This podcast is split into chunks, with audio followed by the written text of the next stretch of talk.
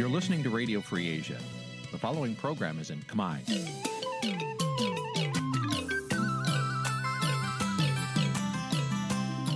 នេះជាកម្មវិធីផ្សាយ Vuthu Azizi Serai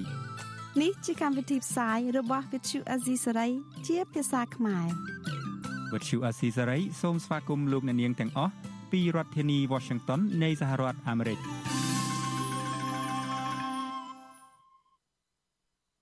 ពីរដ្ឋធានី Washington ខ្ញុំបាទទីនសាករិយាសូមជម្រាបសួរលោកនាងកញ្ញាទាំងអស់ទីមេត្រី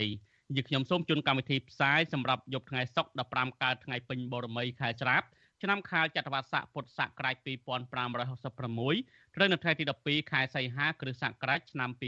2022បាទជាដំបូងនេះសូមអញ្ជើញលោកនាងកញ្ញាស្ដាប់ព័ត៌មានប្រចាំថ្ងៃដែលមានមេត្តាដូចតទៅ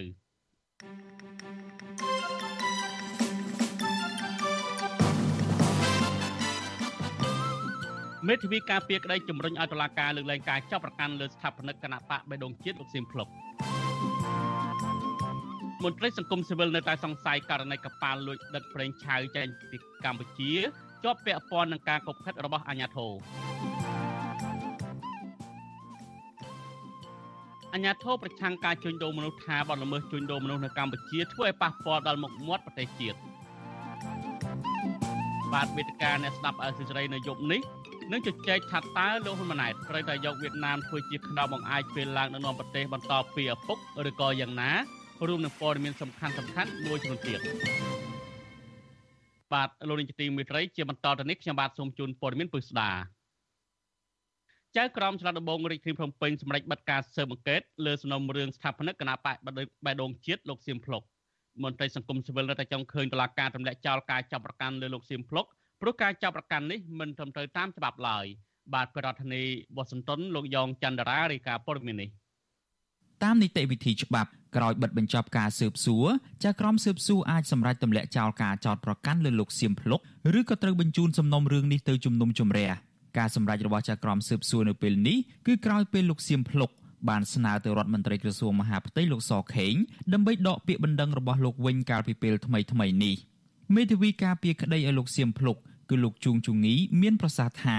តាមនីតិវិធីក្រោយពេលចៅក្រមស៊ើបសួរសម្រាប់បិទបញ្ចប់ការស៊ើបសួរចៅក្រមនឹងបញ្ជូនសំណុំរឿងនេះត្រឡប់ទៅព្រះរាជអាជ្ញាវិញដើម្បីពិនិត្យមុនធ្វើសេចក្តីសន្និដ្ឋានជាចុងក្រោយថាតើលោកសៀមភ្លុកមានពិរុទ្ធឬគ្មានពិរុទ្ធភាពលោកបន្តថានៅពេលទទួលបានសេចក្តីសន្និដ្ឋានពីព្រះរាជអាជ្ញារួចហើយចៅក្រមស៊ើបសួរនឹងចេញសេចក្តីសម្រេចថ្មីមួយថាតើគួរលើកលែងការចោទប្រកាន់ឬក៏បញ្ជូនសំណុំរឿងនេះទៅជំនុំជម្រះ លោកមេធាវីជួងជងីនៅតែចង់ឃើញការសម្រេចចុងក្រោយរបស់ចៅក្រមស៊ើបសួរគឺជាការទម្លាក់ចោលការចោទប្រកាន់លើកូនក្តីរបស់លោកពីព្រោះកូនក្តីរបស់លោកពុំបានប្រព្រឹត្តបទល្មើសអ្វីនោះទេ ករណីសៀមពលហ្នឹងបើហៅថាគាត់អត់បានប្រព្រឹត្តបទល្មើសខ្លែងទេហើយគាត់ក៏អត់មានចេតនាក្នុងការប្រព្រឹត្តតតសោះហើយអ្វីដែលគាត់ធ្វើហ្នឹងគឺក្នុងនាមជាប្រធានស្ថាបនិកគ្រាន់តែបញ្ជូនឯកសារនេះទៅសុមាតេដើម្បីគុំមនុស្សចុះបញ្ជីគណៈបដិនោះជានឹងសុមាតេតែប៉ុណ្្នឹងទេអញ្ចឹងគួរណាស់តែតឡាការទម្លាក់ការចាប់ប្រកាន់ចំពោះលោកសៀមភ្លុកបានកាលពីខែកក្កដាកន្លងទៅលោកសៀមភ្លុក បានផ្ញើសម្បត្តិចេញពីពន្ធនាគារស្នើទៅរដ្ឋមន្ត្រីក្រសួងមហាផ្ទៃលោកសខេងស្នើដកពាក្យប្តឹងរូបលោកវិញករណីក្លែងបន្លំឯកសារចុះបញ្ជីគណៈបកបេដងជាតិលោកសៀមភ្លុកលើកឡើងនៅក្នុងលិខិតនោះថាលោកមិនបានក្លែងបន្លំឯកសារនោះទេ ហើយកំហុសដែលកើតមានគឺជាអចេតនាឬក៏ករណីខ្ជិលខ្ជាតែប៉ុណ្ណោះទោះជាយ៉ាងណាមកទល់នឹងពេលនេះក្រសួងមហាផ្ទៃមិនទាន់ឆ្លើយតបទៅនឹងសំណើរបស់លោកសៀមភ្លុកវិញនៅឡើយទេជុំវិញរឿងនេះ វិទ្យុអាស៊ីសេរីមិនទាន់អាចសុំការអធិប្បាយណាមួយពីនាយកខុទ្ទកាល័យលោកសខេងនិងជាអ្នកនាំពាក្យក្រសួងមហាផ្ទៃលោកខៀវសុភ័ក្របានទេ នៅថ្ងៃទី12ខែសីហាអ្នកសម្របសម្រួលផ្នែកអង្គការនឹងតស៊ូមតិនៃអង្គការ Confrel គឺលោកកនសវាងសង្កេតឃើញថាទោះជាលោកសៀមភ្លុកជាស្ថាបនិកគណៈបកបេដងជាតិយ៉ាងណាក្តីក៏មិនមែនគ្រប់រឿងសុទ្ធតែតម្រូវឲ្យលោកសៀមភ្លុកទទួលខុសត្រូវឬអាចគ្រប់គ្រងបានទាំងអស់នោះឡើយ ម្យ៉ាងវិញទៀតលោកថាទោះជាស្នាមមេដៃអ្នកគ្រប់គ្រងនៃការស្នើបង្កើតគណៈបកបេដងជាតិដែលលោកសៀមភ្លុកបានដាក់ទៅក្រសួងមហាផ្ទៃនោះមានបញ្ហាក៏ដោយក៏ករណីនេះមិនបានបង្កផលប៉ះពាល់ឬក៏គ្រោះថ្នាក់ណាមួយដល់សង្គមនោះទេ ខ្ញុំយល់ឃើញថាលោកសៀមភ្លុកនឹងគួរតែត្រូវបានដោះលែងគាត់ណាមិនគួរប្រើប្រាស់វិធានការសម្រាប់ក្នុងការប្តឹងផ្ដាល់គាត់ដាក់ទៅតុលាការទេការប្តឹងផ្ដាល់គាត់ទៅតុលាការនេះគឺខ្ញុំយល់ឃើញថាมันសមទេបាទវាមិនសមនៅក្នុងដំណើរការរបស់គាត់ដែលជាអ្នកដែលធ្វើកិច្ចការងារក្នុងការចុំជីនឹងទេ លោកសៀមភ្លុកធ្លាប់បានប្រាប់តុលាការថាលោកមិនបានក្លែងបន្លំឯកសារនៅក្នុងការបង្កើតគណៈបកបេដងជាតិឡើយលោកបញ្ជាក់ទៀតថាលោកក៏មិនមែនជាអ្នកចោះផ្ទាល់ទៅប្រមូលស្នាមមេដៃរបស់អ្នកគាំទ្រនោះដែរគឺតំណាងគណៈបកនៅតាមមូលដ្ឋានជាអ្នករៀបចំមន្ត្រីអង្គការសង្គមស៊ីវិលផ្នែកកិច្ចការបោះឆ្នោតលើកឡើងថានីតិវិធីនៃច្បាប់បោះឆ្នោតមិនបានចែងដាក់ទោសប្រមទ័នលើតំណាងគណៈបកនយោបាយនៅក្នុងដំណើរការនៃការស្នើសុំចុះបញ្ជីគណៈបកនោះទេ គិតមកដល់ពេលនេះស្ថាបនិកគណៈបកបៃដងជាតិលោកសៀមភ្លុកបានបាត់បង់សិទ្ធិសេរីភាពជាង100ថ្ងៃហើយក្រោយពីរដ្ឋមន្ត្រីក្រសួងមហាផ្ទៃលោកសខេងបានប្តឹងលោកពីបទក្លែងបន្លំ និងប្រើប្រាស់លិខិតក្លែងពាក់ព័ន្ធទៅនឹងការស្នើសុំបង្កើតគណៈបកបៃដងជាតិកាលពីឆ្នាំ2021ទោះជាយ៉ាងណាមេធាវីការពីក្តីនិងអង្គការសង្គមស៊ីវិលលើកឡើងស្របគ្នាថា សំណុំរឿងនេះគឺមានចរិតនយោបាយជាងការអនុវត្តច្បាប់ដោយត្រឹមត្រូវ។ ខ្ញុំយ៉ងច័ន្ទដារាវិទ្យុអាស៊ីសេរីរាយការណ៍ពីរដ្ឋធានី Washington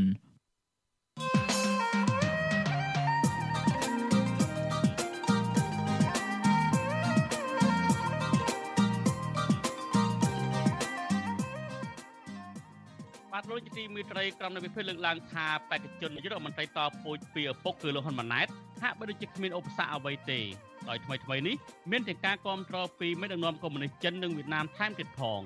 តើលោកហ៊ុនម៉ាណែតទៅប្រទេសវៀតណាមថ្មីថ្មីនេះដើម្បីអ្វីតើលោកហ៊ុនម៉ាណែតនឹងយកប្រទេសវៀតណាមធ្វើជាខ្នងបង្អែកពេលដឹកនាំប្រទេសឬយ៉ាងណា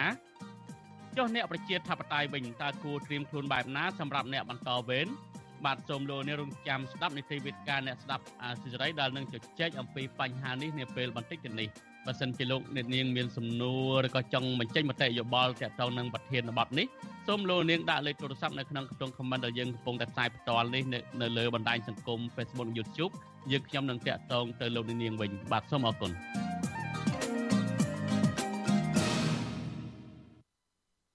បាទលោកនាងជាទីមេត្រី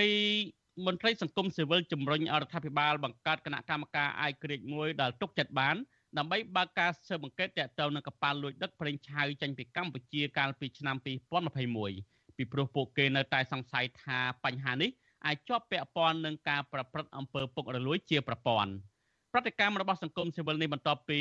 មន្ត្រីរដ្ឋាភិបាលអះអាងថាកប៉ាល់លួចដឹកប្រេងឆៅចេញពីកម្ពុជានោះមិនជាប់តាក់ទងនឹងការគប់កិតជាប្រព័ន្ធមិនជាប់ពាក់ព័ន្ធនឹងការប្រព្រឹត្តអំពើពុករលួយនោះទេ បាទ អ្នកស្រីម៉ៅសុធានីរាយការណ៍ព័ត៌មាននេះក្រុមគុតកោនៃក្រុមហ៊ុនបនលបែង Nagavel ដែលរងការបង្ក្រាបដោយហិង្សាមិនសុខចិត្តនិងទង្វើរបស់អាជ្ញាធរដែលប្រាំអំពើហិង្សាវេដំហក់ធាក់លើរាងកាយរបស់ពួកគាត់បណ្ដាលឲ្យអ្នកខ្លះបែកឈាមពេញមុខអ្នកខ្លះសន្លប់មិនដឹងខ្លួនហើយអ្នកខ្លះទៀតរងរបួសក្រំក្នុងមកដល់ពេលនេះ ក្រុមគុតកោថាពួកគេនឹងប្តឹងទៅតុលាការឲ្យរកយុត្តិធម៌ចាប់ជនដៃដល់មកដាក់ទោសតាមផ្លូវច្បាប់និងទាមទារឲ្យសងជំងឺចិត្តដែលជនល្មើសបានវាយដំមកលើខ្លួនប្រាណរបស់ពួកគាត់ គឧតកោក្រុមហ៊ុនកាស៊ីណូម្នាក់ដែលអាជ្ញាធរបានធាក់ត្រូវជើងនៅឈឺស្នាមរបួសមិនទាន់បាត់នោះគឺអ្នកនាងមុំសវធិនហៅអាទីនប្រពន្ធស៊ីស្រីនៅព្រឹកថ្ងៃទី12ខែសីហា ថាក្រុមគឧតកោពិតជាមិនអាចទទួលយកបានឡើយនៅអំពើហិង្សាទាំងកំរោលរបស់មន្ត្រីប៉ូលីសទាំងនោះដែលបានជះកំហឹងមកលើក្រុមគឧតកោដែលគ្រាន់តែតវ៉ាដោយសន្តិវិធីជាមួយក្រុមហ៊ុនមិនមែនតវ៉ានឹងមន្ត្រីប៉ូលីសនោះឡើយ។ អ្នកនាងក៏បានបញ្ជាក់ថាពួកគាត់នឹងពិភាក្សាគ្នាជាមួយសហជីពដើម្បីរកអ្នកជំនាញខាងច្បាប់ឲ្យជួយដាក់ពាក្យបណ្ដឹងទៅក្រសួងមហាផ្ទៃដើម្បីចាប់អ្នកដែលបានវាយកុតកោឲ្យរងរបួសធ្ងន់មកផ្ដន្ទាទោសឲ្យខាងតែបានបើទោះបីជាពួកគាត់ មានក្តីសង្ឃឹមតិចតួចក្នុងការទទួលបានយុត្តិធម៌ក៏ដោយ ទាំងអស់គ្នាអឺម្នាក់ម្នាក់មានបិទផ្លាកអគុណសន្តិភាពក៏ដូចជាកាន់បដារូបសម្ដេចហ៊ុនសែនក៏ដោយក៏ពួកគាត់នៅតែវាយពួកខ្ញុំទាំងកំរោលហើយយករូបយករូបសម្ដេចនឹងហែកចោលទៀតខាងអាជ្ញាធរគាត់យករូបសម្ដេចនឹងហែកចោលទៀតអញ្ចឹងខ្ញុំមិនដឹងថាទៅហៅអ្នកណាឲ្យមកជួយទៀតទេព្រោះអស់ធំត្រឹមសម្ដេចដេជោហើយហើយបើបើសម្ដេចដេជោអត់អន្តរាគមទៀតខ្ញុំមិនដឹងថាទៅពឹងអ្នកណាទៀតទេ ស្រដៀងគ្នានេះដែរស្ត្រីគុតកោម្នាក់ទៀតដែលអាញាធរហក់ដាល់ចំមុខបែកឈាមនិងដួលសន្លប់គឺអ្នកនាងសិនស្រីនិចបានឲ្យដឹងថាក្រុមហ៊ុនមិនបានបញ្ឈប់ពីការងារអ្នកនាងទេក៏ប៉ុន្តែដែលហេតុតែឃើញភាពអយុត្តិធម៌ក្នុងសង្គមធ្វើឲ្យនាងទ្រាំមិនបានទៅចេញមកទាមទារតវ៉ាជាមួយក្រុមគុតកោ Nagavel ដទៃទៀត។ អ្នកនាងបន្តថាអ្នកនាងមិននឹកស្មានថាអាញាធរដែលមានទួនាទីការពារសន្តិសុខជូនពលរដ្ឋបែរជាហ៊ានលើកដៃវាកុតកោដែលប្រៀបដូចជាបងស្រីនិងប្អូនស្រីអ្នកនាងស្នើដល់ក្រសួងមានសមត្ថកិច្ចជួយចាប់ជនបង្កហិង្សាមកលើពួកគាត់ទៅដាក់ទោសតាមច្បាប់ដែលមានចែងជាធរមានចាអ្នកនាងបញ្ជាក់ថាអ្នកនាងនឹងចេញធ្វើកតកម្មដរាបណាទទួលបានដំណោះស្រាយសមរម្យទោះបីជារងការប្រើអំពើហិង្សាពីសំណាក់អាជ្ញាធរ អត់ទេបងអត់ទេនៅតែតស៊ូទាមទារសិទ្ធិសេរីភាពមួយនេះទោះបានបងសូម្បីតែខ្ញុំក៏ដោយខ្ញុំចង់និយាយថាជាក្នុងអំឡុងពេលហ្នឹងទោះគេវាយខ្ញុំប៉ុណ្ណឹងគឺថាខ្ញុំមិនឈប់អត់ទេបងខ្ញុំនៅតែទាមទារយកសិទ្ធិសេរីភាពនេះទោះបានអញ្ចឹងបងគឺសួរមកឯងថាខ្ញុំអាយុប៉ុណ្ណឹងឯងគួរដឹងថាអ្វីល្អអ្វីខកដូចគ្នាត្រូវបងអញ្ចឹងគេវាយប៉ុណ្ណឹងស្អែកឡើងត្រូវឈប់ពួកអញអូនអើយថាខ្ញុំឈប់អើខ្លាចត្រូវឈប់ទៅអត់ទេបងនៅតែទៅទោះតែខ្ញុំអត់មានបាយញ៉ាំក៏ដោយខ្ញុំនៅតែទៅដែរបងខ្ញុំចង់បានសិទ្ធិសេរីភាពពីការងារនេះទោះបានបង ឆ្លើយតបនឹងការលើកឡើងរបស់ក្រមគឧតកោអ្នកនាំពាក្យស្នងការដ្ឋាននគរបាលរាជធានីភ្នំពេញលោកសានសុកសីហាប្រាប់ថាករណីបង្ក្រាបលើក្រមគឧតកោមកពីក្រមគឧតកោទាំងនោះមិនព្រមស្ដាប់តាមការសម្រួលរបស់មន្ត្រីអាជ្ញាធរហើយថែមទាំងប្រើពាក្យជេរប្រមាថដល់មន្ត្រីអាជ្ញាធរទាំងនោះនឹងបានប្រហារសាមកលើអាជ្ញាធរមុនទើបអាជ្ញាធរគ្រាន់តែប្រើវិធីដើម្បីការពារខ្លួន។ ញុះញង់បង្កឲ្យមានបញ្ហាដើម្បីរៀបចំផែនការដើម្បីឲ្យបង្កើតឲ្យមានហិង្សាហើយត្រូវពេលជាមួយនោះដែរគឺនៅពេលដែលសមាជិកជាអ្នកអនុវត្តច្បាប់បានណែនាំឲ្យគាត់បញ្ឈប់តាក់ទងនឹងការបុកទម្លុះប្រាស់ដែលសមាជិកហាមគាត់ហ្នឹងគាត់នៅតែមិនស្ដាប់ការណែនាំហើយថែមទាំងបុកទម្លុះប្រាស់ដែលសមាជិកដាក់ហាមគាត់ហ្នឹងជាជា2 3 4ដំណាក់កាលជាបន្តទៀតហើយមិនត្រឹមតែប៉ុណ្្នឹងទេគឺថែមទាំងបង្កហិង្សាដោយតែបានរូបដែលបានចុះផ្សាយក្នុង page ក្នុងការឋាននគរបាលភ្នំពេញបង្កឲ្យសមាជិកដែលជាអ្នកអនុវត្តច្បាប់ហ្នឹងរងរបួសមួយចំនួនទៀតផងបាទ ទោះជាយ៉ាងណាក្រុមគុតកោចាត់ទុកការលើកឡើងរបស់អាជ្ញាធរនេះគឺជាលេសដោះសារមិនទទួលខុសត្រូវលើទង្វើបំពានច្បាប់ និងថែមទាំងទម្លាក់កំហុសមកលើពួកគាត់ដែលជាជនរងគ្រោះថែមទៀតផង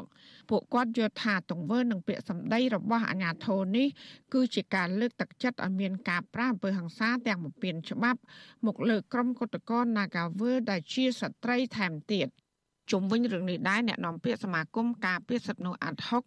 លោកសង្សានការណាលើកឡើងថាបើតាមច្បាប់ធ្វើគុតកម្មគឺគុតកោមានសិទ្ធិនៅឈរចិត្តអាគារក្រុមហ៊ុនដើម្បីទាមទារ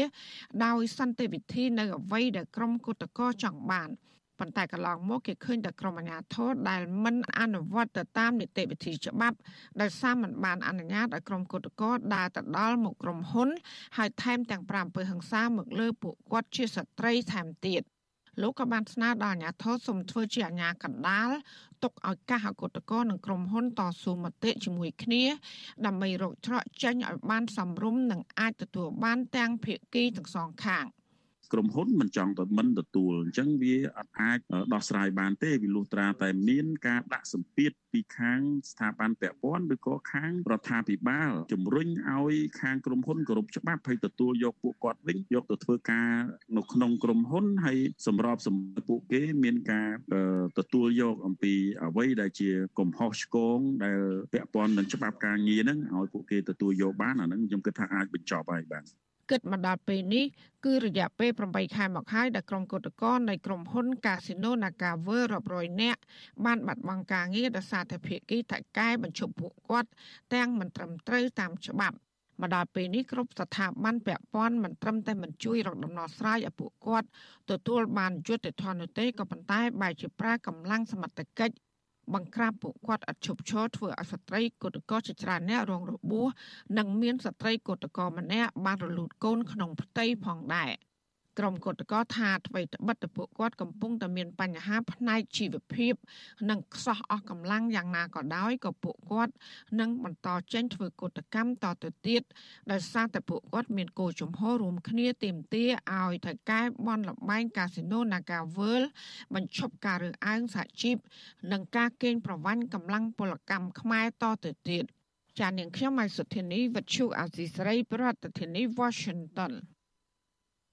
បាទលោកជាទីមេត្រីលោកនេះទៅបានស្ដាប់សេចក្តីរាយការណ៍របស់អ្នកស្រីម៉ៅសុធីនីដែលនិយាយអំពីក្រមសមត្ថកិច្ចបង្ក្រាបនិងប្រើអំពើហិង្សាលើកោតក្រ Nagavel បាទលោកនេះជាទីមេត្រីក្រុមយុវជនសមាជិកនៅអង្គការសង្គមស៊ីវិលចំនួន11ស្ថាប័នប្រារព្ធទិវាយុវជនអន្តរជាតិនៅថ្ងៃទី12សីហានេះអឺការ ការប្រារព្ធទិវានេះគឺបានធ្វើឡើងនៅមជ្ឈមណ្ឌលសហប្រតិបត្តិការកម្ពុជាជប៉ុនក្រមប្រធានបទពង្រឹងសិទ្ធិអំណាចយុវជនដើម្បីចូលរួមបង្កើតសាមគ្គីភាពមនុស្សជាតិអន្តរជំនាន់ក្រមយុវជនលើកឡើងថាកត្តាចម្បងដែលនាំឲ្យយុវជនមិនក្លាហានចូលរួមសកម្មភាពការងារសង្គមនិងនិយាយនិងនិយាយគឺការរដ្ឋបတ်សិទ្ធិសេរីភាពនិងការដាក់ទោសទណ្ឌដល់សកម្មជនបរិស្ថាននិងសកម្មជនសិទ្ធិមនុស្សកាលពីពេលកន្លងមក ទិវាយុវជនឆ្នាំនេះបានធ្វើឡើងនៅថ្ងៃទី12សីហាដោយមានយុវជនចូលរួមជាង300នាក់ក្រមប្រធានបទពង្រឹងសិទ្ធិអំណាចយុវជនដើម្បីចូលរួមបង្កើតសាមគ្គីភាពមនុស្សជាតិអន្តរជំនាន់ក្នុងគោលបំណងជំរុញឲ្យយុវជនក្លាយជាបរិបទសកម្មដើម្បីលើកកម្ពស់នីតិរដ្ឋការគោរពសិទ្ធិមនុស្សនិងការពារបរិស្ថានបាទសូមលោកនេះរងចាំស្ដាប់សេចក្តីរាយការណ៍នេះពិស្ដានៅក្នុងការផ្សាយនៅក្នុងកម្មវិធីផ្សាយរបស់យើងនៅព្រឹកស្អែក បាទលោកនាយកទីមេត្រីតទៅនឹងការជួញដូរមនុស្សនៅកម្ពុជាវិញអាជ្ញាធរជាតិប្រយុទ្ធប្រឆាំងនឹងការជួញដូរមនុស្សលើកឡើងថាអំពើជួញដូរមនុស្សដែលបានកើតមានឡើងទូទាំងពិភពលោកក្នុងនោះមានទាំងកម្ពុជាផងអាជ្ញាធរអាងថារបាយការណ៍នានាដែលបង្ហាញពីក្រតកម្មជួញដូរមនុស្សនៅលើទឹកដីកម្ពុជាចុងក្រោយនេះសមត្ថកិច្ចកំពុងតែបើកការស៊ើបអង្កេតលើក្រុមអក្រិតជនដើម្បីធានាដល់សវត្ថិភាពប្រជាពលរដ្ឋនិងអ្នកវិនិយោគនៅកម្ពុជាមន្ត្រីសង្គមស៊ីវិលស្នើដល់អាជ្ញាធរស៊ើបអង្កេតលើករណីជួញដូរមនុស្សនេះ ដោយចូលលើគោលការណ៍អព្យាក្រឹតនិងតម្លាភាពដើម្បីឲ្យមហាជនមានជំនឿលើប្រព័ន្ធច្បាប់នៅកម្ពុជា បាទប្រធានាធិបតីវ៉ាស៊ីនតោនលោកលេម៉ាលីរាយការណ៍ព័ត៌មាននេះរដ្ឋលេខាធិការក្រសួងមហាផ្ទៃនិងជាអនុប្រធានអចិន្ត្រៃយ៍នៃគណៈកម្មាធិការជាតិប្រយុទ្ធប្រឆាំងអំពើជួញដូរមនុស្សគឺលោកស្រីជូប៊ុនអេងថ្លែងថា ករណីអ ுக ្រិតកម្មជួញដូរមនុស្សរបស់ក្រុមអ ுக ្រិតជននៅកម្ពុជាបានប្រតិបត្តិការចាប់ជំរិតមនុស្សដោយមានកលល្បិចច្រើនទម្រង់អ្នកស្រីថាការជួញដូរមនុស្សរបស់ក្រុមអ ுக ្រិតជននៅកម្ពុជានៅតែបន្តកើតមានពីព្រោះពួកគេបានប្រើប្រាស់វិធីសាស្ត្របែបទំនើបក្នុងការជួញដូរមនុស្សនេះទោះជាយ៉ាងនេះក្តីអ្នកស្រីអះអាងថាអាញាធរកម្ពុជានឹងនៅតែបន្តសហការជាមួយអង្គការជំនាញនិងបណ្ដាប្រទេសជាមិត្តមួយចំនួន រួមគ្នាប្រឹងប្រែងបង្ក្រាបករណីជួញដូរមនុស្សនៅលើទឹកដីកម្ពុជា ដើម្បីធានាសុវត្ថិភាពប្រជាពលរដ្ឋនិងអ្នកវិនិយោគនៅកម្ពុជា។ ប៉ុន្តែដោយសារតែយើងឃើញហើយថាវាមានសកម្មភាពថ្មីទៀតរបស់ជនល្មើសដែលយើងបានឃើញបានទទួលយកការផ្សព្វផ្សាយពីប្រព័ន្ធព័ត៌មានហ្នឹងដែលបានលើកឡើងអំពីបទល្មើសថ្មីថ្មីដែលកើតមានលើទឹកដីកម្ពុជាចំពោះយើងខ្ញុំដែលជាអ្នកធ្វើការងារប្រយុទ្ធប្រឆាំងពលជួញដូរមនុស្សគឺយើងជឿចាប់ខ្លាំងណាស់ពីព្រោះយើងខំប្រឹងប្រែងអស់ពីសមត្ថភាពដើម្បីការពារប្រជាពលរដ្ឋមិនឲ្យរងគ្រោះដោយអំពើជួញដូរមនុស្សតែទីបំផុតគេនៅតែយកទឹកដីកម្ពុជា ដើម្បីមកធ្វើបទល្មើសឲ្យយើងប្រឈម អ្នកស្រីលើកឡើងបែបនេះនៅក្នុងសន្និសីទសារព័ត៌មានស្ដីពីស្ថានភាពនៃការជួញដូរមនុស្សនៅកម្ពុជា ដែលរៀបចំដោយអង្គភាពអ្នកណែនាំពាក្យរាជរដ្ឋាភិបាល នៅថ្ងៃទី12ខែសីហាអ្នកស្រីជូប៊ុនអេងក៏បានឆ្លើយតបទៅនឹងរបាយការណ៍របស់សហរដ្ឋអាមេរិកដែលទម្លាក់ចំណាត់ថ្នាក់កម្ពុជា មកកម្រិតទី3ដែលមានន័យថាស្ថានភាពការជួញដូរនៅកម្ពុជាស្ថិតក្នុងស្ថានភាពដ៏អាក្រក់អ្នកស្រីថាកម្ពុជាមិនបានបដិសេធរបាយការណ៍របស់សហរដ្ឋអាមេរិក ហើយនឹងទទួលយកដោយស្មារតីទទួលខុសត្រូវនិងបន្តខិតខំប្រឹងប្រែងទប់ស្កាត់និងបង្ក្រាបករណីជួញដូរមនុស្សនៅកម្ពុជាបន្តទៀតក្រៅពីនេះអ្នកស្រីបន្ថែមថារបាយការណ៍របស់ស្ថាប័នសារព័ត៌មានអន្តរជាតិដែលបានលាតត្រដាងអំពីអក្រិតកម្មជួញដូរមនុស្សកំពុងប្រតិបត្តិការនៅលើទឹកដីកម្ពុជានារយៈពេលចុងក្រោយនេះអ្នកស្រីស្វាគមន៍ក្នុងការផ្ដល់កិច្ចសហប្រតិបត្តិការជាមួយអាជ្ញាធរកម្ពុជា អ្នកស្រីអះអាងទៀតថា អាជ្ញាធរជំនាញក៏កំពុងបើកការស៊ើបអង្កេតទៅលើទីតាំងនិងអ ுக ្រិតកម្មជួញដូរមនុស្សតាមបែបបច្ចេកវិទ្យានៅលើទឹកដីកម្ពុជាដែរជុំវិញរឿងនេះនាយកទទួលបន្ទុកផ្នែកសិទ្ធិមនុស្សនៃអង្គការ Liga do លោកអំសំអាត សាទរចំពោះចំណាត់ការអាញាធរក្នុងការស៊ើបអង្កេតករណីជួញដូរមនុស្សដែលត្រូវបានលាតត្រដាងដោយស្ថាប័នអន្តរជាតិអំពីការឆបោកនិងចាប់ជំរិតមនុស្សតាមបែបទំនើបលោកបន្ថែមថាទន្ទឹមគ្នានឹងក្រុមអក្រិតជនជួញដូរមនុស្ស ដោយប្រើមធ្យោបាយកាន់តែទំនើបនេះអាជ្ញាធររដ្ឋាភិបាលក៏គួរតែមានការវិវត្តយន្តការទប់ស្កាត់និងអនុវត្តច្បាប់ឲ្យបានតឹងរឹងលើជនល្មើសដែលជាប់ពាក់ព័ន្ធនឹងអំពើជួញដូរមនុស្សនេះដែរ។ សំខាន់ការប្រឹងប្រែងនៃការស៊ើបអង្កេតរបស់រដ្ឋាភិបាលបង្ហាញអំពីឆន្ទៈពិតប្រាកដនៅក្នុងការទប់ស្កាត់និងការបង្ក្រាបហើយជាពិសេសមានតែលទ្ធផលនៃការស្រាវជ្រាវការស៊ើបអង្កេតឲ្យបង្ហាញជារបាយការណ៍ទេដែលអាចធ្វើឲ្យមានជំនឿទុកចិត្តក៏ដូចជាការពីមុខមាត់របស់រដ្ឋាភិបាល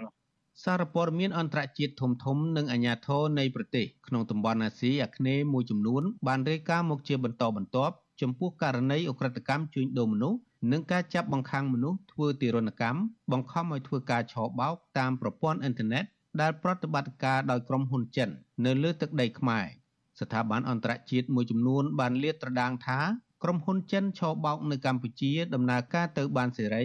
ដោយសារក្រុមហ៊ុនចិនទាំងនោះសុទ្ធសឹងតែមានទំនាក់ទំនងគ្នាយ៉ាងស្អិតរមួតជាមួយលោកនាយករដ្ឋមន្ត្រីហ៊ុនសែននិងក្រុមមន្ត្រីព្រមទាំងអង្គការដែលមានឥទ្ធិពលក្នុងជួររដ្ឋាភិបាលលោកហ៊ុនសែន។ របាយការណ៍របស់ក្រសួងការបរទេសសហរដ្ឋអាមេរិកស្ដីពីការជួញដូរមនុស្សឆ្នាំ2022ចេញផ្សាយកាលពីខែកក្កដាបានទម្លាក់ចំណាត់ថ្នាក់កម្ពុជាមកកម្រិតទី3ដែលមានន័យថាអាក្រក់បំផុត និងពុំធ្លាប់មានទេចាប់តាំងពីឆ្នាំ2015មករបាយការណ៍អាមេរិកបង្ហាញថាកម្ពុជាដើរថយក្រោយនិងគ្មានឆន្ទៈក្នុងការលុបបំបាត់ការជួញដូរមនុស្សដោយសារតែបញ្ហាអំពើពុករលួយជាប្រព័ន្ធ រារាំងដល់ការអនុវត្តច្បាប់លើក្រុមជនល្មើសដែលជាប់ពាក់ព័ន្ធនឹងករណីជួញដូរមនុស្សនៅកម្ពុជាខ្ញុំបាទលេងម៉ាលីវិទ្យុអស៊ីសេរីរាយការណ៍ពីរដ្ឋធានី Washington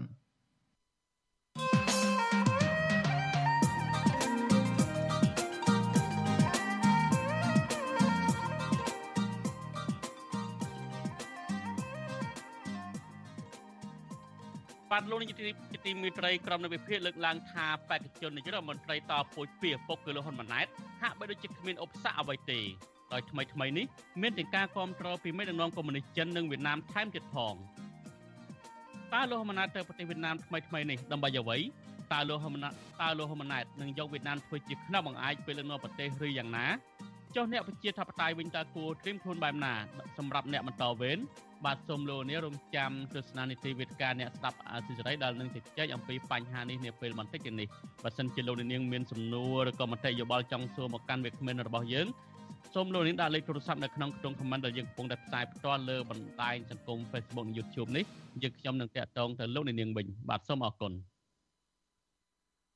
បាទលោកនាយកទីមេត្រីដំណើរគ្នានឹងការស្ដាប់ការផ្សាយរបស់វិទ្យុអេស៊ីសេរីតាមបណ្ដាញសង្គម Facebook និង YouTube លោកនាងក៏អាចស្ដាប់កម្មវិធីផ្សាយរបស់អេស៊ីសេរីតាមរលកធាតុអាកាសខ្លីឬក៏ Shortwave តាមកម្រិតនិងកម្ពស់ដូចតទៅនេះពេលព្រឹកចាប់ពីម៉ោង5កន្លះដល់ម៉ោង6កន្លះតាមរយៈរលកធាតុអាកាសខ្លី12140 kHz ស្មើនឹងកម្ពស់ 25m និង13715 kHz ស្មើនឹងកម្ពស់ 22m ពេលយប់ ចាប់ពីម៉ោង7កន្លះដល់ម៉ោង8កន្លះតាមរយៈរលកធាតុអាកាសខ្លី9960 kHz ស្មើនឹងកម្ពស់ 30m និង12140 kHz ស្មើនឹងកម្ពស់ 25m និង11885 kHz ស្មើនឹងកម្ពស់ 25m អាស៊ីសេរី បាទលោកនាយកទីមេត្រីតកតងទៅនឹងការវិវត្តនៃអាកាសធាតុវិញក្រសួងធនធានទឹកនិងអតនិយមឲ្យដឹងថាស្ថានភាពទឹកចំនួនទន្លេមេគង្គសំទោសស្ថានភាពទឹកទន្លេមេគង្គនិងទន្លេឆ្លៃពកស្ថិតនៅក្នុងនឹងខេត្តស្ទឹងត្រែងនិងខេត្តរតនគិរីហក់ឡើងកម្រិតប្រកាសអាសន្នហើយមន្ត្រីសង្គមស៊ីវិលស្នើឲ្យអាជ្ញាធរខេត្តរតនគិរីនិងស្ទឹងត្រែងផ្ដល់ព័ត៌មានឲ្យបានទូលំទូលាយពីការបង្បើកបង្ហូរទឹក នៃទំនប់វារីអគ្គិសនីក្នុងខេត្តស្ទឹងត្រែងនិងទំនប់យ៉ាឡាយរបស់ប្រទេសវៀតណាម បាទលោកជាតិចំណានរាជការព័ត៌មាននេះស្ថានភាពទឹកជំនន់នៅទន្លេមេគង្គនិងទន្លេស្រែពកក្នុងខេត្តរតនគិរីកំពុងហក់ឡើងខ្លាំងនៅរយៈពេលមួយសប្តាហ៍ចុងក្រោយនេះធ្វើឲ្យពលរដ្ឋមួយចំនួនកំពុងប្រឈមនឹងគ្រោះមហន្តរាយនេះ ចំណែកអាជ្ញាធរខេត្តស្ទឹងត្រែងនិងខេត្តរតនគិរីបានជួយដំណឹងឲ្យពលរដ្ឋប្រុងប្រយ័ត្នខ្ពស់និងត្រៀមកម្លាំងសមត្ថកិច្ចចម្រុះចុះជួយសង្គ្រោះពលរដ្ឋពលរដ្ឋរស់នៅតាមដងទន្លេស្រែពកនិងទន្លេសេសានចាត់ទុកទឹកចំនួនឆ្នាំនេះហក់ឡើងខុសប្រក្រតីទំនងជាមានការបង្ហូរទឹកចេញពីទំនប់វារីអគ្គិសនីយ៉ាឡាយនៃប្រទេសវៀតណាមដែលមិនបានជូនដំណឹងត្រឹមត្រូវ ពលរដ្ឋនៅតាមដងទន្លេសេសានក្នុងស្រុកសេសានលោកហ្វុតឈឿនប្រាប់វិសុអាស៊ីសេរីនៅថ្ងៃទី12ខែសីហាថាតំបន់ខ្លះនៅស្រុកសេសាននិងតំបន់មួយចំនួនទៀតតាមដងទន្លេស្រែពកក្នុងស្រុកកូនមុំនិងស្រុកលំផាត់ខេត្តរតនគិរីមានទឹកចំនួនលិចផ្ទះសម្បែងរួមទាំងផលដំណាំអ្នកភូមិអស់ជាច្រើនហិកតាលោកថានៅរយៈពេលមួយសប្តាហ៍ចុងក្រោយនេះមានភ្លៀងធ្លាក់ច្រើនបូករួមទាំងអាញាធរវៀតណាមបើកបង្ហូរទឹកទំនប់វារីអគ្គិសនីយ៉ាឡាយ នៃខ្សែទឹកខាងលើដែលធ្វើឲ្យពលរដ្ឋចំនួន4ស្រុកក្នុងខេត្តស្ទឹងត្រែងនិងខេត្តរតនគិរីប្រឈមទឹកជំនន់រួមផ្សំទាំងការបិទទ្វារទឹកទំនប់វារីអគ្គិសនីសេសានក្រោម2ផងដែរ។ បារម្ភគឺការប៉ះពាល់ឆ្លងប្រទេសអនុភ័យចំពោះប្រជាពលរដ្ឋយើងគ្រប់គ្នាហើយហើយទឹកឯខាងប្រទេសវៀតណាមក៏ទុកមកគាត់ខ្ញុំនឹងបើកទឹកទៅជួយជួយជំរាបទុកពីមុនថាទោះថ្ងៃបរិច្ឆេទត្រឹមត្រូវដល់ពេលគាត់បើកមកបានណាបាននេះធ្វើឲ្យប៉ះពាល់ដល់លៀងអាហារក៏អាយុជីវិតជាពលរដ្ឋនៅរស់នៅតាមប្រទេសទាំងពីរនេះឡងត្រូវដំណាំផលដំណាំកសិកម្មពុកអញ្ចឹងណាក្រសួងទុនធានទឹកបានជួនដំណឹងការពីថ្ងៃទី9ខែសីហាថា ស្ថានភាពទឹកជំនន់នឹងហក់ឡើងនៅរយៈពេល4ទៅ5ថ្ងៃខាងមុខបណ្ដាលឲ្យតំបន់ខ្ពង់រាបក្នុងខេត្តស្ទឹងត្រែងប្រឈមនឹងទឹកជំនន់ដោយទឹកមានកម្ពស់8ម៉ែត្រកន្លះរីឯនៅខេត្តរតនគិរីកម្ពស់ទឹកទន្លេស្រែពកកើនឡើងដល់ជិត13ម៉ែត្រដែលលើសពីកម្រិតប្រកាសអាសន្នគិតត្រឹមថ្ងៃទី11ខែសីហាក្រសួងបញ្ជាក់ថាទន្លេមេគង្គទន្លេសេសាន ទន្លេស្រែពក និងទន្លេសេកុងនឹងកើនឡើងខ្លាំងប្រឈមនឹងទឹកជំនន់ ចំណែកឯនៅខេត្តស្ទឹងត្រែងអាជ្ញាធរខេត្តនេះបានបើកកិច្ចប្រជុំគណៈកម្មាធិការគ្រប់គ្រងគ្រោះមហន្តរាយខេត្តបន្ទាន់មួយដើម្បីត្រៀមបង្ការជួយសង្គ្រោះពលរដ្ឋអភិបាលរងខេត្តស្ទឹងត្រែងលោកជាថាវរិទ្ធបានថ្លែងនៅក្នុងកិច្ចប្រជុំនេះកាលពីថ្ងៃទី12ខែសីហាថាអាជ្ញាធរជំនាញពាក់ព័ន្ធត្រូវក្តាប់ព័ត៌មានគ្រប់គ្រងគ្រោះមហន្តរាយឲ្យបានច្បាស់លាស់ដើម្បីត្រៀមកម្លាំងអន្តរាគមន៍បង្ការជួយសង្គ្រោះពលរដ្ឋរួមមានត្រៀមសម្ភារៈនិងស្បៀងអាហារឲ្យទាន់ពេលវេលា លោកបញ្ជាក់ថាសមត្ថកិច្ចចម្រុះនិងអាជ្ញាធរមូលដ្ឋានត្រូវត្រៀមលក្ខណៈគ្រប់បែបយ៉ាងទៅតាមជំនាញនីមួយៗរកមធ្យោបាយដឹកជញ្ជូនសម្ភារៈសង្គ្រោះពលរដ្ឋក្នុងករណីចំនួនទៅកាន់ទីទួលមានសុវត្ថិភាពចំណែកទន្លេស្រែពកក្នុងខេត្តរតនគិរីទឹកចំនួនបានហក់ឡើងរយៈពេល5ថ្ងៃចុងក្រោយនេះដែលធ្វើឲ្យស្រុកចំនួន2គឺស្រុកកូនមុំនិងស្រុកលំផាត់ត្រូវជន់លិចនៅតំបន់ទំនាបអាជ្ញាធរថាកម្ពស់ទឹកទន្លេស្រែពក បានជន់ឡើងលើសពីកម្រិតប្រកាសអាសន្នបង្កឲ្យលិចផ្ទះពលរដ្ឋចំនួន13ភូមិក្នុងឃុំចំនួន3នៃស្រុកលំផាត់ហើយប្រជាពលរដ្ឋជាង300គ្រួសារត្រូវជំនះទៅកាន់ទីទួលសុវត្ថិភាពអភិបាលខេត្តរតនគិរីលោកញ៉ែមសំអៀនបានចុះទៅពិនិត្យស្ថានភាពទឹកជំនន់ដោយផ្ទាល់ដោយថ្លែងប្រាប់ក្រុមអ្នកសារព័ត៌មានថាមូលហេតុបណ្ដាលឲ្យមានទឹកជំនន់ហក់ឡើងលឿនបែបនេះដោយសារតែអាកាសធាតុប្រែប្រួលមានភ្លៀងធ្លាក់ជាប់ជាប់គ្នាជាច្រើនថ្ងៃនិងមានការបើកបង្ហូរទឹកទំនប់វារីអគ្គិសនីផ្នែកខាងលើក្នុងប្រទេសវៀតណាម លោកបញ្ជាឲ្យអាជ្ញាធរមានសមត្ថកិច្ចត្រូវជួយសង្គ្រោះពលរដ្ឋឲ្យទាន់ពេលវេលាវិសុវអាស៊ីសេរីបានព្យាយាមតាក់ទងអ្នកនាំពាក្យក្រសួងធនធានទឹកលោកច័ន្ទយុទ្ធាដើម្បីសុំការបញ្យល់បន្ថែមពីបញ្ហានេះតែទូរស័ព្ទមិនអាចតាក់ទងបាននៅថ្ងៃទី12ខែសីហាចំណែកអ្នកនាំពាក្យគណៈកម្មាធិការជាតិគ្រប់គ្រងគ្រោះមហន្តរាយលោកខុតសុខាក៏មិនអាចសុំការបំភ្លឺបានដែរនៅថ្ងៃដដែលនេះជុំវិញរឿងនេះនាយកប្រតិបត្តិអង្គការបណ្ដាញការពារទន្លេ3លោកលៀងមុនលៀបសង្កេតឃើញថាទឹកចំនួនហក់ឡើងលឿនខុសប្រក្រតី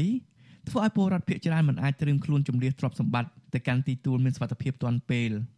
លោកស្នើឲ្យអាជ្ញាធរខេត្តរតនគិរី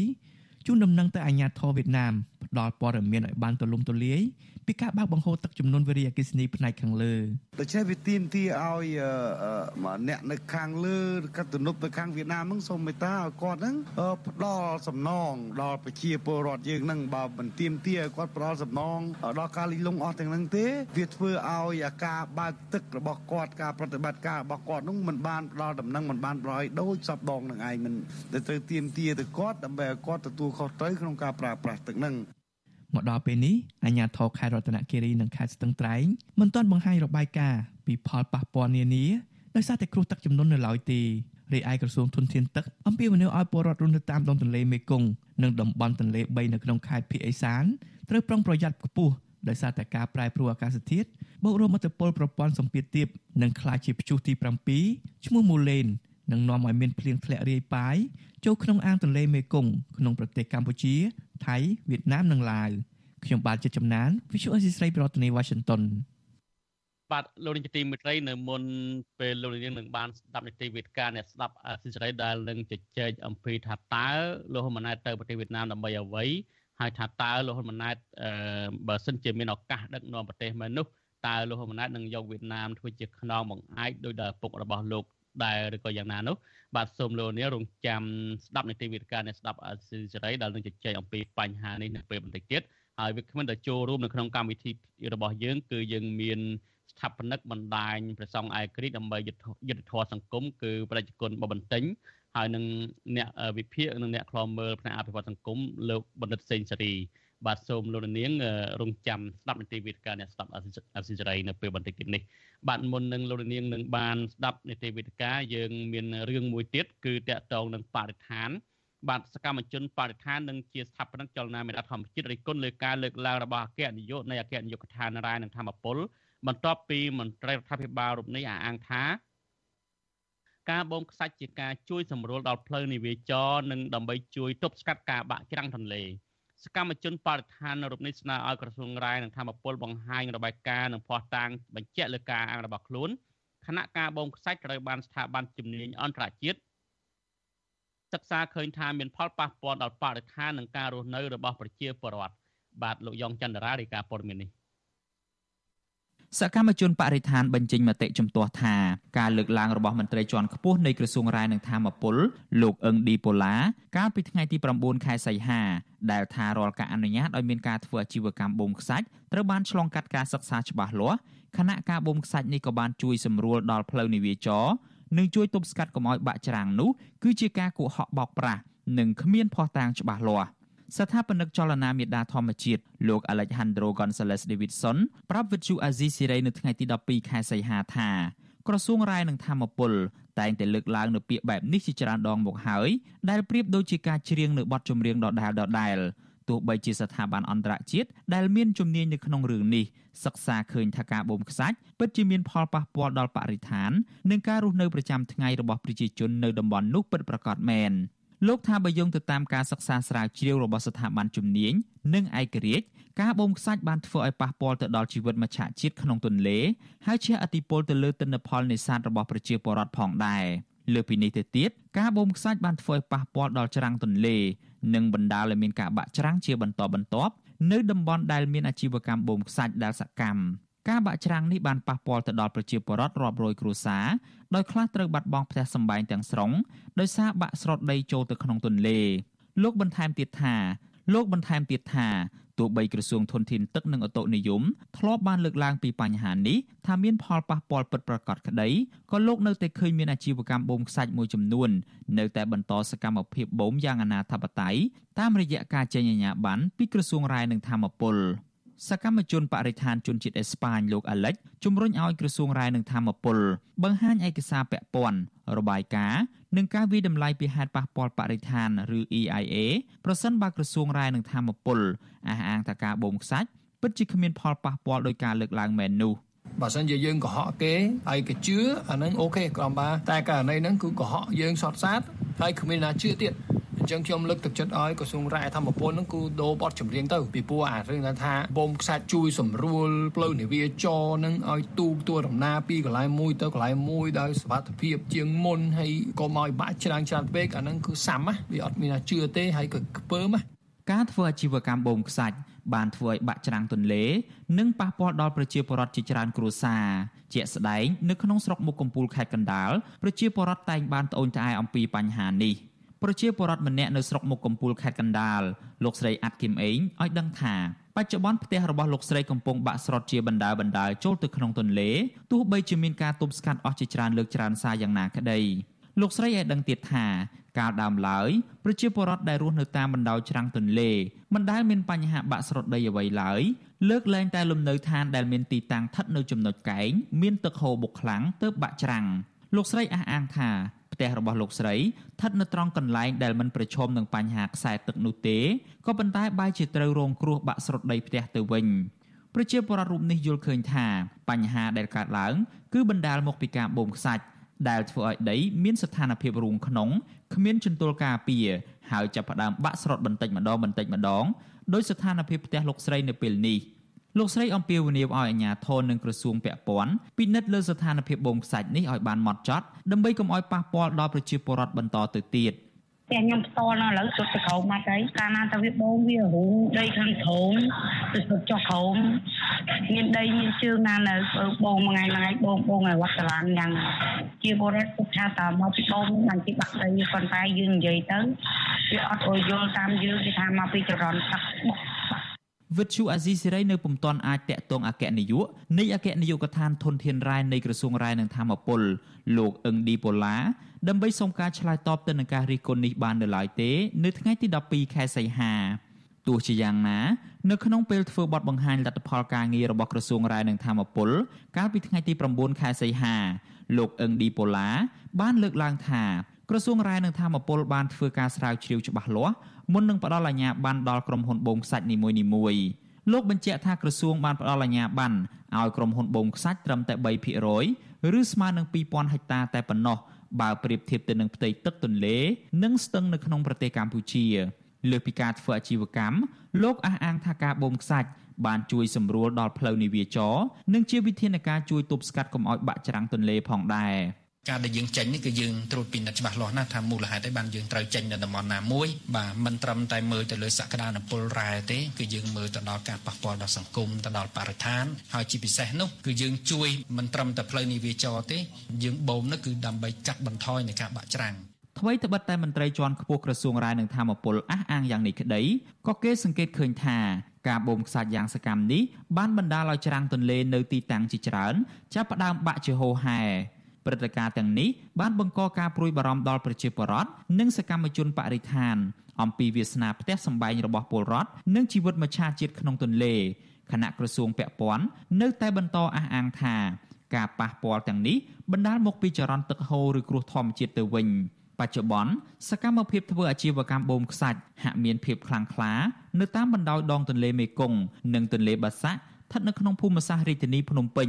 ដើម្បីយកទៅចាក់លុបបឹងធម្មជាតិក្រោមរូបភាពជាការអភិវឌ្ឍទីក្រុងរណបសង់អគារនិងផ្សារទំនើបជាដើមដែលជាការវិនិយោគរបស់ក្រុមអង្គការធំធំ ដែលមានទំនាក់ទំនងជាមួយរដ្ឋាភិបាលតាមរបាយការណ៍របស់ក្រសួងរាយនឹងធម្មពលអាជីវកម្មបូមខ្សាច់នៅកម្ពុជាសប្តាហ៍ថ្ងៃនេះគ្របដណ្ដប់លើផ្ទៃទន្លេនិងស្ទឹងចំនួនជាង2000ហិកតា ក្រសួងអះអាងថាកម្ពុជាប្រមូលចំណូលមិនមែនសារពើពន្ធពីវិស័យរ៉ែបានចំនួនជាង24លានដុល្លារកាលពីឆ្នាំ2021ទោះជាយ៉ាងណាកន្លងទៅសកម្មជនបរិស្ថានបានរកឃើញពីអំពើពុករលួយរបស់រដ្ឋាភិបាលតាក់ទងទៅនឹងការនាំខ្សាច់ចេញទៅក្រៅប្រទេសដោយមិនមានការចុះបញ្ជីនិងបន្ថយតួលេខដែលធ្វើឲ្យកម្ពុជាបាត់បង់ប្រាក់ចំណូលរាប់លានដុល្លារពីវិស័យរ៉ែនេះ ខ្ញុំយ៉ងច័ន្ទដារាវិទ្យុអាស៊ីសេរីរាយការណ៍ពីរដ្ឋធានី Washington បាទលោកនេះទីមិត្តរីតកតងនឹងរឿងកប៉ាល់លួចដឹកប្រេងឆៅចេញពីកម្ពុជាវិញមន្ត្រីសង្គមស៊ីវិលជំរុញរដ្ឋាភិបាលបង្កើតគណៈកម្មការមួយដោយឯករាជ្យដែលទុកចិត្តបានដើម្បីបើកការស៊ើបអង្កេតតាក់ទងនឹងកប៉ាល់លួចដឹកប្រេងឆៅចេញពីកម្ពុជាកាលពីឆ្នាំ2021ពីព្រោះពួកគេនៅតែសង្ស័យថាបញ្ហានេះអាចជាប់ពាក់ព័ន្ធនឹងការប្រព្រឹត្តអំពើពុករលួយជាប្រព័ន្ធ ប្រតិកម្មនេះរបស់សង្គមស៊ីវិលគឺបន្ទាប់ពីមន្ត្រីរដ្ឋាភិបាលអះអាងថាកប៉ាល់លួចដឹកប្រេងឆៅចេញពីកម្ពុជានោះមិនជាប់តាក់ទងនឹងការគប់កិតប្រព្រឹត្តអំពើពុករលួយរបស់អាជ្ញាធរកម្ពុជានោះទេបាទសូមលោកនាងរងចាំស្ដាប់សេចក្តីរាយការណ៍នេះពឹស្ដានៅក្នុងកម្មវិធីផ្សាយរបស់យើងនៅព្រឹកស្អែកបាទលោកនាយកទីមេត្រីលោកនាងក៏បានស្ដាប់ព័ត៌មានប្រចាំថ្ងៃរបស់វិទ្យុអាស៊ីសេរីដែលជម្រាបជូនដល់ខ្ញុំបាទទីនសាការីយ៉ាពីរដ្ឋធានី Washington សូមលោកនាងរងចាំទស្សនានីតិវិទ្យាអ្នកស្ដាប់អាស៊ីសេរីនៅពេលបន្តិចទៀតនេះ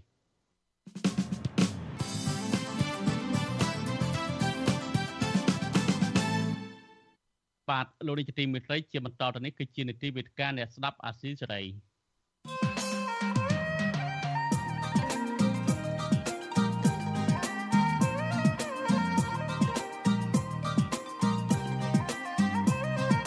វេទិកាអ្នកស្ដាប់ វិទ្យុអាស៊ីសេរី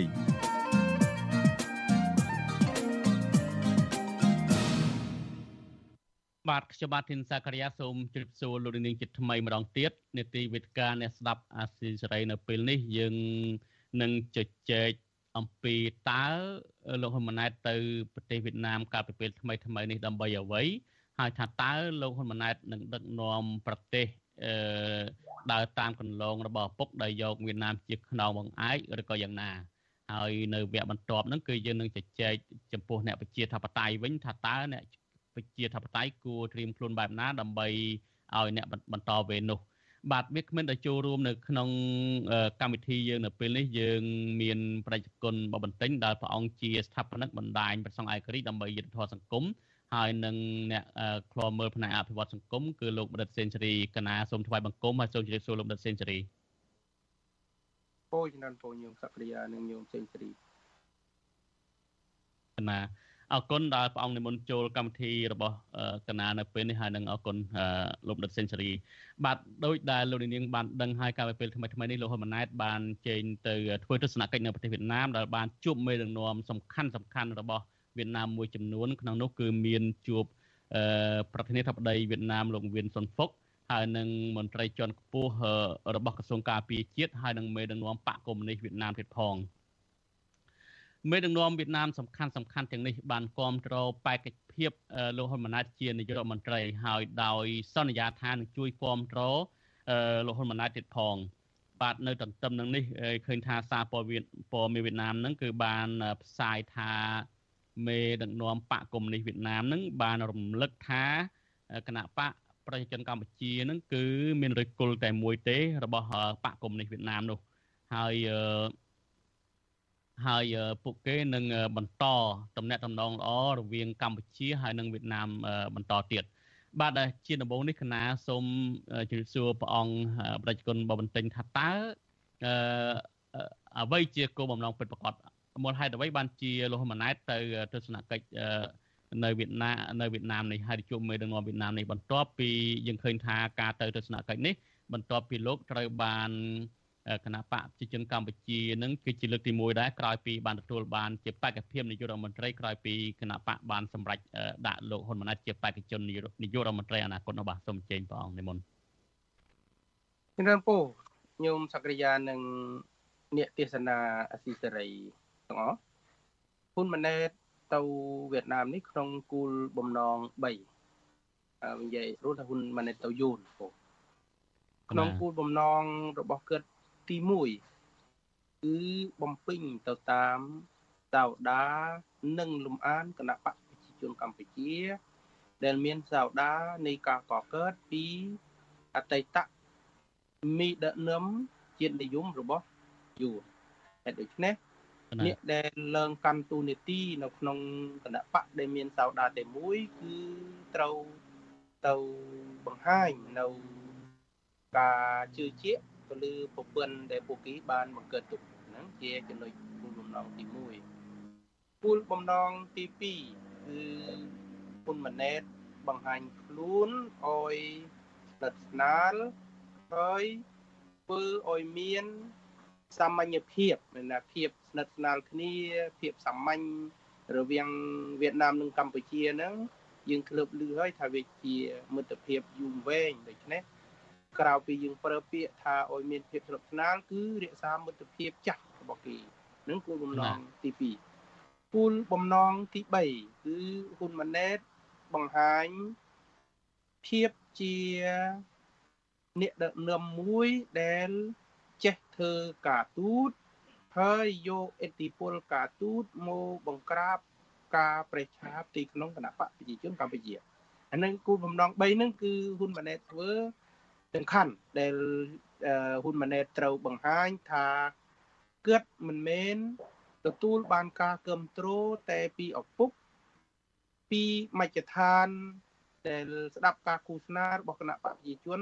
និងមនុស្សដែលគណៈបកប្រជាជនបានរៀបចំទុកដាក់ទេសូម្បីតែមិត្តភាពដេកថែបនិងមិត្តភាព1ឆ្នាំនៅស្រុកខ្មែរយើងគេមានមិត្តពីរ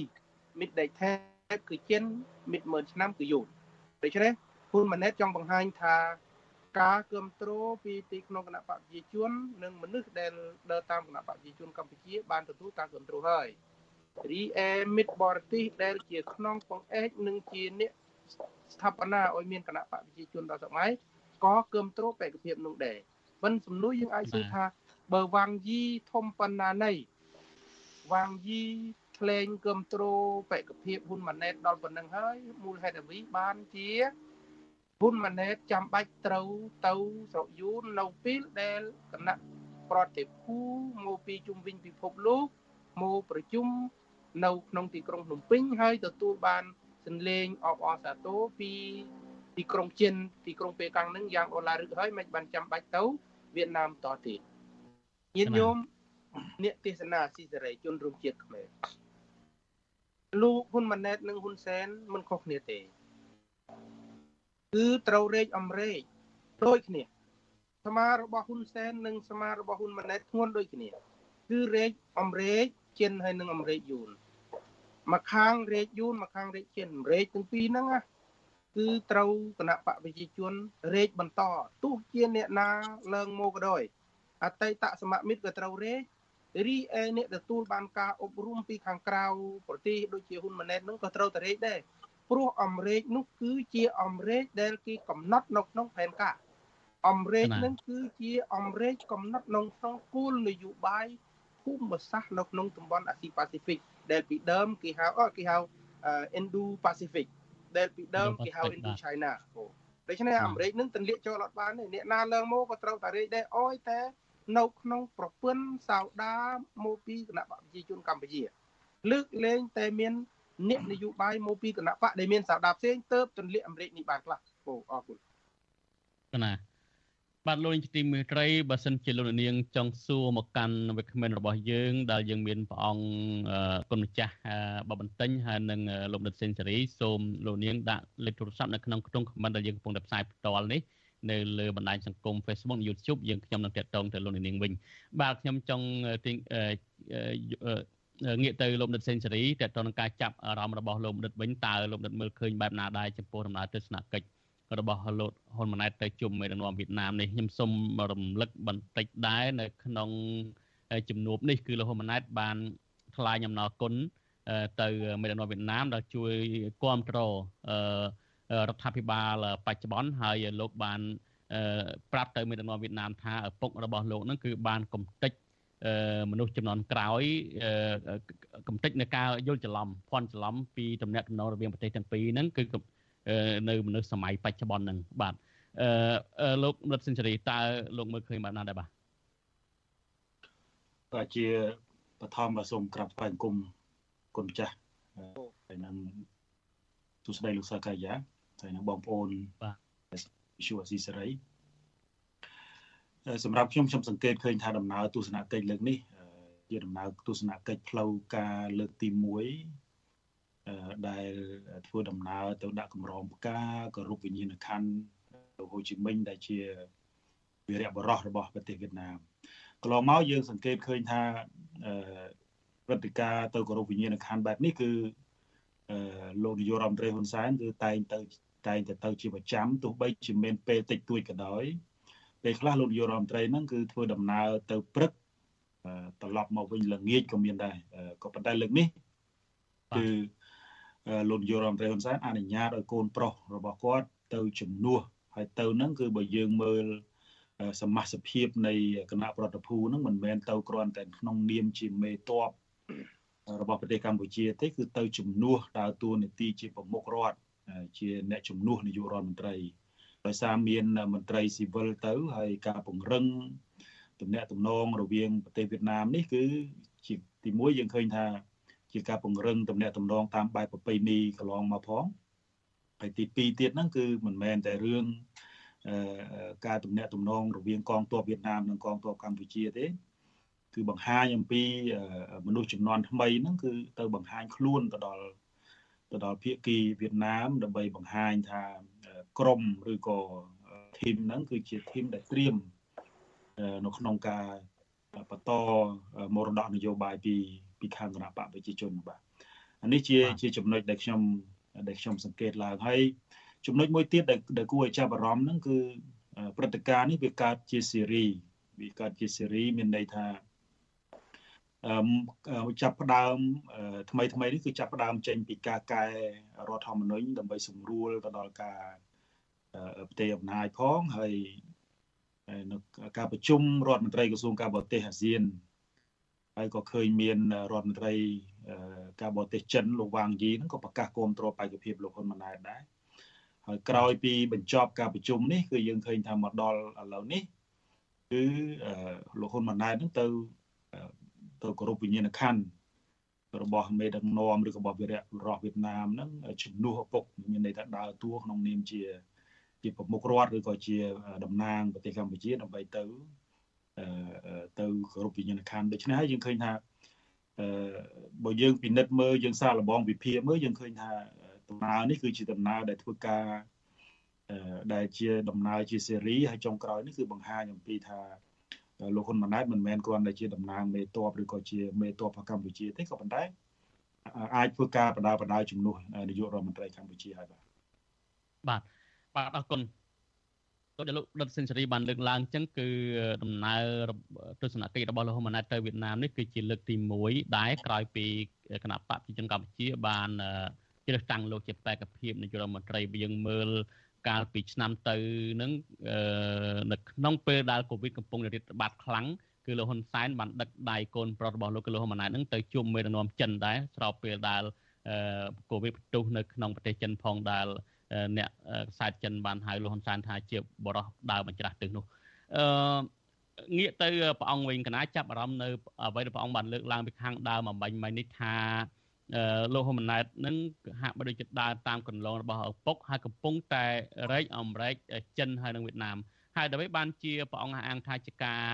តំណាក់តំណងរវាងកម្ពុជាចិននិងវៀតណាមនេះជាការរែកអមរែកទៅវិញព្រោះអីយើងឃើញថា ចិនសប្តាហ៍ថ្ងៃហ្នឹងដែលផ្ដល់ជំនួយឲ្យកម្ពុជានឹងក៏ច្រើន ហើយវៀតណាមហ្នឹងក៏ជួយដល់កម្ពុជាផងនោះកណាជំរិនពោញោមសក្តិយៈអឺបើសិនជាយើងមើលរូបភាពខាងក្រៅយើងមើលឃើញថាវៀតណាមជួយកម្ពុជាបើយើងមើលរូបភាពខាងក្រៅយើងឃើញថាចិនជាប្រទេសដែលផ្ដល់ជំនួយធំបំផុតប៉ុន្តែបើយើងមើលទៅមើលលើជំរឿសេដ្ឋកិច្ច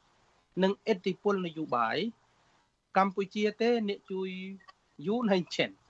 ទី1យើងទាញយកសោដាការប្រជុំអាស៊ាន នៅឆ្នាំ2012នៅក្នុងនោះគឺកំពុងមានចន្លោះទីក្នុងសមុទ្ររវាងសមាជិកប្រទេសអាស៊ានពោហេតុដូច្នោះគឺកម្ពុជាបានដើរតួនាទីជួយដល់ អេតិពលនយោបាយផលប្រយោជន៍របស់ចិននឹងបើគិតពីចំនួនជំនួយរបស់ចិនដែលជួយមកខ្មែរអត់ធំដូចជា ទំហំសេចក្តីថ្លែងការណ៍របស់សមាគមអាស៊ាន ការពារផលប្រយោជន៍ចិនទេអានឹងធំមហាសាលគឺតំបន់ផ្ទៃសមុទ្រដែលចិនទទួលទាញបានផលប្រយោជន៍ហើយរំលោភទៅលើឥណ្ឌូនេទៅលើឥណ្ឌូនេស៊ីរំលោភទៅលើហ្វីលីពីនរំលោភទៅលើម៉ាឡេស៊ីទៅលើប្រទេសវៀតណាមអាតំបន់ទាំងអស់ហ្នឹងគឺជាផលប្រយោជន៍របស់ចិន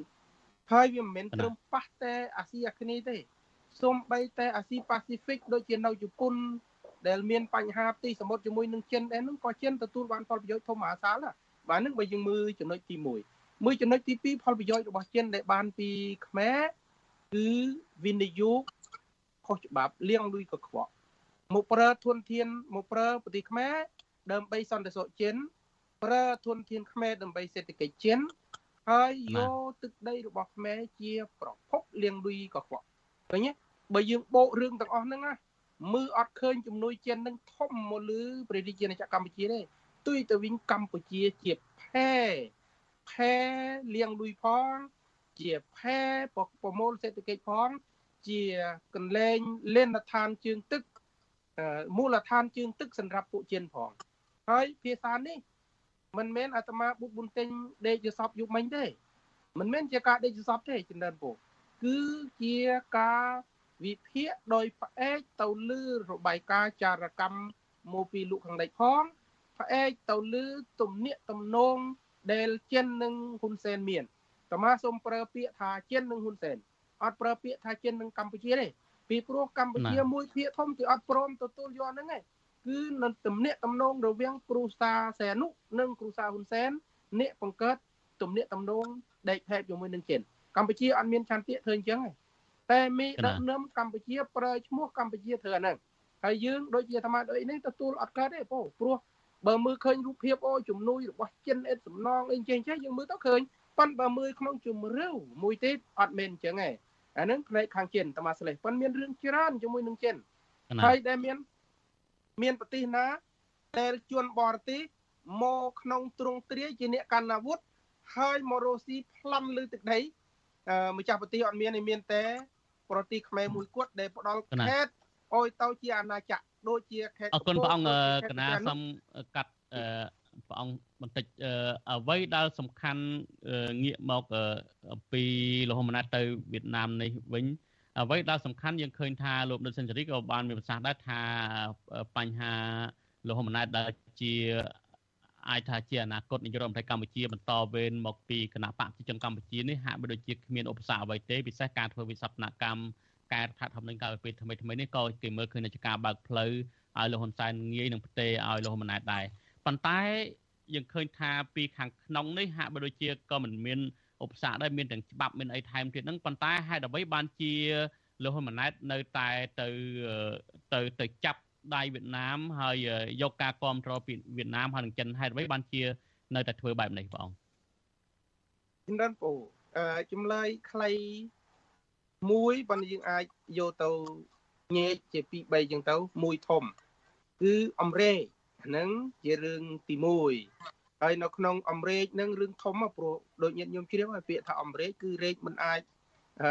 ស្រែកបានទេត្រូវថារេកហើយក្នុងនោះហ៊ុនម៉ាណែតធ្វើអញ្ចឹងមានរឿង3ទូចទូចនៅក្នុងនោះទៀតរឿងទី1ហ៊ុនម៉ាណែតចង់បញ្ជាក់ថាខ្លួនអាចដើរតួបានកុំអោយគណៈបកប្រជាជនកុំអោយជួកងទើបកុំអោយជួអិសរជនក្នុងគណៈបកប្រជាជននោះងើបមកធ្វើអីព្រោះគេអាចធ្វើកើតឲ្យឃើញណា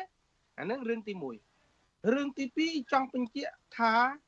ហ៊ុនសែនប្រកាស100%អត់អោយអិសរជនក្នុងគណៈបកប្រជាជន រំលងត្រកូលហ៊ុនសែនទេអាហ្នឹងពីពីទូចអពហើយ3ទូចមួយទៀតហ៊ុនម៉ាណែតធ្វើយ៉ាងដូចនោះហ่าគឺពង្រឹងមិត្តភាពពង្ក្រាប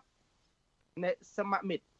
ពង្រឹងមិត្តភាពគឺមិត្តភាពចិនយួនបង្ក្រាបសមមិត្តគឺអិសរាជជននយោបាយក្នុងគណៈបកប្រជាជនអានេះគឺច្បាស់កលែតតែមក ងើបមកយ៉ាងម៉េចបើគេធ្វើចុងក្រោយនេះបើសិនជាមិនមានការគ្រប់គ្រងពីវៀតណាមទេឬក៏ពីចិនទេគឺមិនអាចទៅរួចឬក៏យ៉ាងម៉េចបងអង្គអធិពលនយោបាយរបស់គណៈបកប្រជាជនបើមើលតាមសោដាបើសិនជាចិនហើយនឹងយួនមិនគ្រប់គ្រងទីក្នុងគណៈបកនឹងយើងមើលលំអានពីការចាប់ផ្ដើមជាមួយនឹងហ៊ូនឹមហ៊ូយុនទូសមុទ្រតែសលុតសហៅពលពតអីអីទាំងអស់ហ្នឹង គឺសេរីចាស់យើងមើលបើសិនជាដើរតាមគណៈបកប្រជាជនមិនបានទេមិនដើរតាមយន្តទេគណៈបកនឹងនឹងត្រូវបែកជាពីរហើយអេសរជននយោបាយក្នុងគណៈបកនោះនឹងងើបបាត់ដានហើយបើសិនជានៅរស់ក៏កាត់ទូដូចជាក្រមពួកអ្នកនៅក្នុងតឡាការផ្នែកក្រហមសង្ងាយបើនៅរស់ក៏កាត់ទូអញ្ចឹងដែរអានឹងគេបង្ហាញរឿងច្បាស់អញ្ចឹងហើយយើងមើលសំបីតែតំបន់តស៊ូសមរភូមិយោធាចុងក្រោយនៅឧត្តមមានជ័យលងវែង មនុស្ស3នាក់លែងមានជំនឿនឹងគ្នា គឺអៀងសេរីហើយជាមួយនឹងតាមុកជាមួយនឹងអឺពលពតជាមួយនឹងលោកស៊ុនសេនចុងក្រោយទាំងអស់រៀបចំសម្រាប់ស៊ុនសេនចូលហើយយួនបង្កប់មនុស្សទុកសូមបីតែទៅលាក់ខ្លួននៅក្នុងព្រីគឺបង្កឲ្យចលាចលនៅក្នុងអឺបន្ទាយរបស់ខ្លួននឹងហេតុដូច្នេះហ៊ុនសែនបានរៀននៅនឹងច្បាស់ហ่ะហ៊ុនសែនកើតនៅជាមួយនឹងអព្រឹត្តិការណ៍ហ្នឹង បើសិនជាចង់ឲ្យគណៈបកប្រជាជនដើរទៅមុខឲ្យត្រកូលរបស់គាត់មាននិរន្តរភាពត្រកូលរបស់ហ៊ុនសែនមាននិរន្តរភាពមិនមែនដើម្បីពរណភាពទឹកដីទេសូមទស្សនិកជនមេត្តាជ្រាបនិរន្តរភាពរបស់គ្រូសាហ៊ុនសែនមិនមែនពរណភាពទឹកដីទេ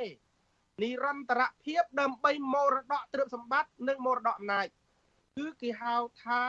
មរតកសន្តតិវង្សមរតកសន្តតិវង្សនឹងគឺជាការរក្សាអំណាចតវងត្រកូល ហើយការកសាងអំណាចតវងត្រកូលគឺគេរៀបចំតាមប្រព័ន្ធដែលអោយសមាជិកគ្រួសារคล้ายទៅជាទី1បើនៅក្នុងទីក្នុងអំណាចคล้ายទៅជាដន្លងហើយបើមិនបានคล้ายទៅជាដន្លងទេคล้ายទៅជាអ្នករស់ស៊ីប្រកបមុខរបរមានជំនួញខ្នាតធំមិនអាចគិតខ្លួនបានហ្នឹងជាទីការរៀបហើយទី2គឺអោយសមាជិកគ្រួសារคล้ายទៅជាអ្នកឈានមុខ ដឹកនាំនឹងចូលរួមសម្រេចចិត្តកិច្ចការជាតិធំធំឲ្យចាប់ដើមធ្វើឲ្យហើយគេធ្វើយ៉ាងដូច្នោះដើម្បីធ្វើឲ្យឪពុកហើយនឹងកូនមានការគេហៅ share responsibility រួមចំណែកទទួលខុសត្រូវលើការដឹកនាំរដ្ឋហើយថ្ងៃមួយនឹងផ្ទេទៅឲ្យអ្នកដែលនៅបន្តនឹងដោយអត់មានការព្រួយបារម្ភអត់មានអីចម្លែកទេអាវីដែលហ៊ុនម៉ាណែតធ្វើហ្នឹងបងអរគុណណា អរគុណច្រើនព្រះអង្គបាទលោកនាយកទីមេត្រីលោកនាងដែលកំពុងតែស្ដាប់ការផ្សាយរបស់វិទ្យុអស៊ីសេរីតាមរលកធាតុអាកាសខ្លីឬក៏ SW នឹងនឹងមិនលឺការផ្សាយរបស់យើងទៀតទេ ចាប់ពីម៉ោង8កន្លះនេះតទៅ បាទចំពោះលោកនាងដែលកំពុងតែទស្សនាតាមប្រព័ន្ធបណ្ដាញសង្គម Facebook YouTube សូមអញ្ជើញលោកនាង តាមដានទស្សនាជាមួយយើងខ្ញុំបន្តទៀតប៉ុន្តែបើសិនជាលោកនាងមានសំណួរចង់សួរមកកាន់លោកឲ្យគ្មានរបស់យើង សូមដាក់លេខទូរស័ព្ទនៅក្នុងខ្ទង់ comment ដែលយើងកំពុងតែផ្សាយនេះយើងខ្ញុំបាទនឹងអ្នកបច្ចេកទេសនឹងតាក់ទងទៅលោកនាងវិញ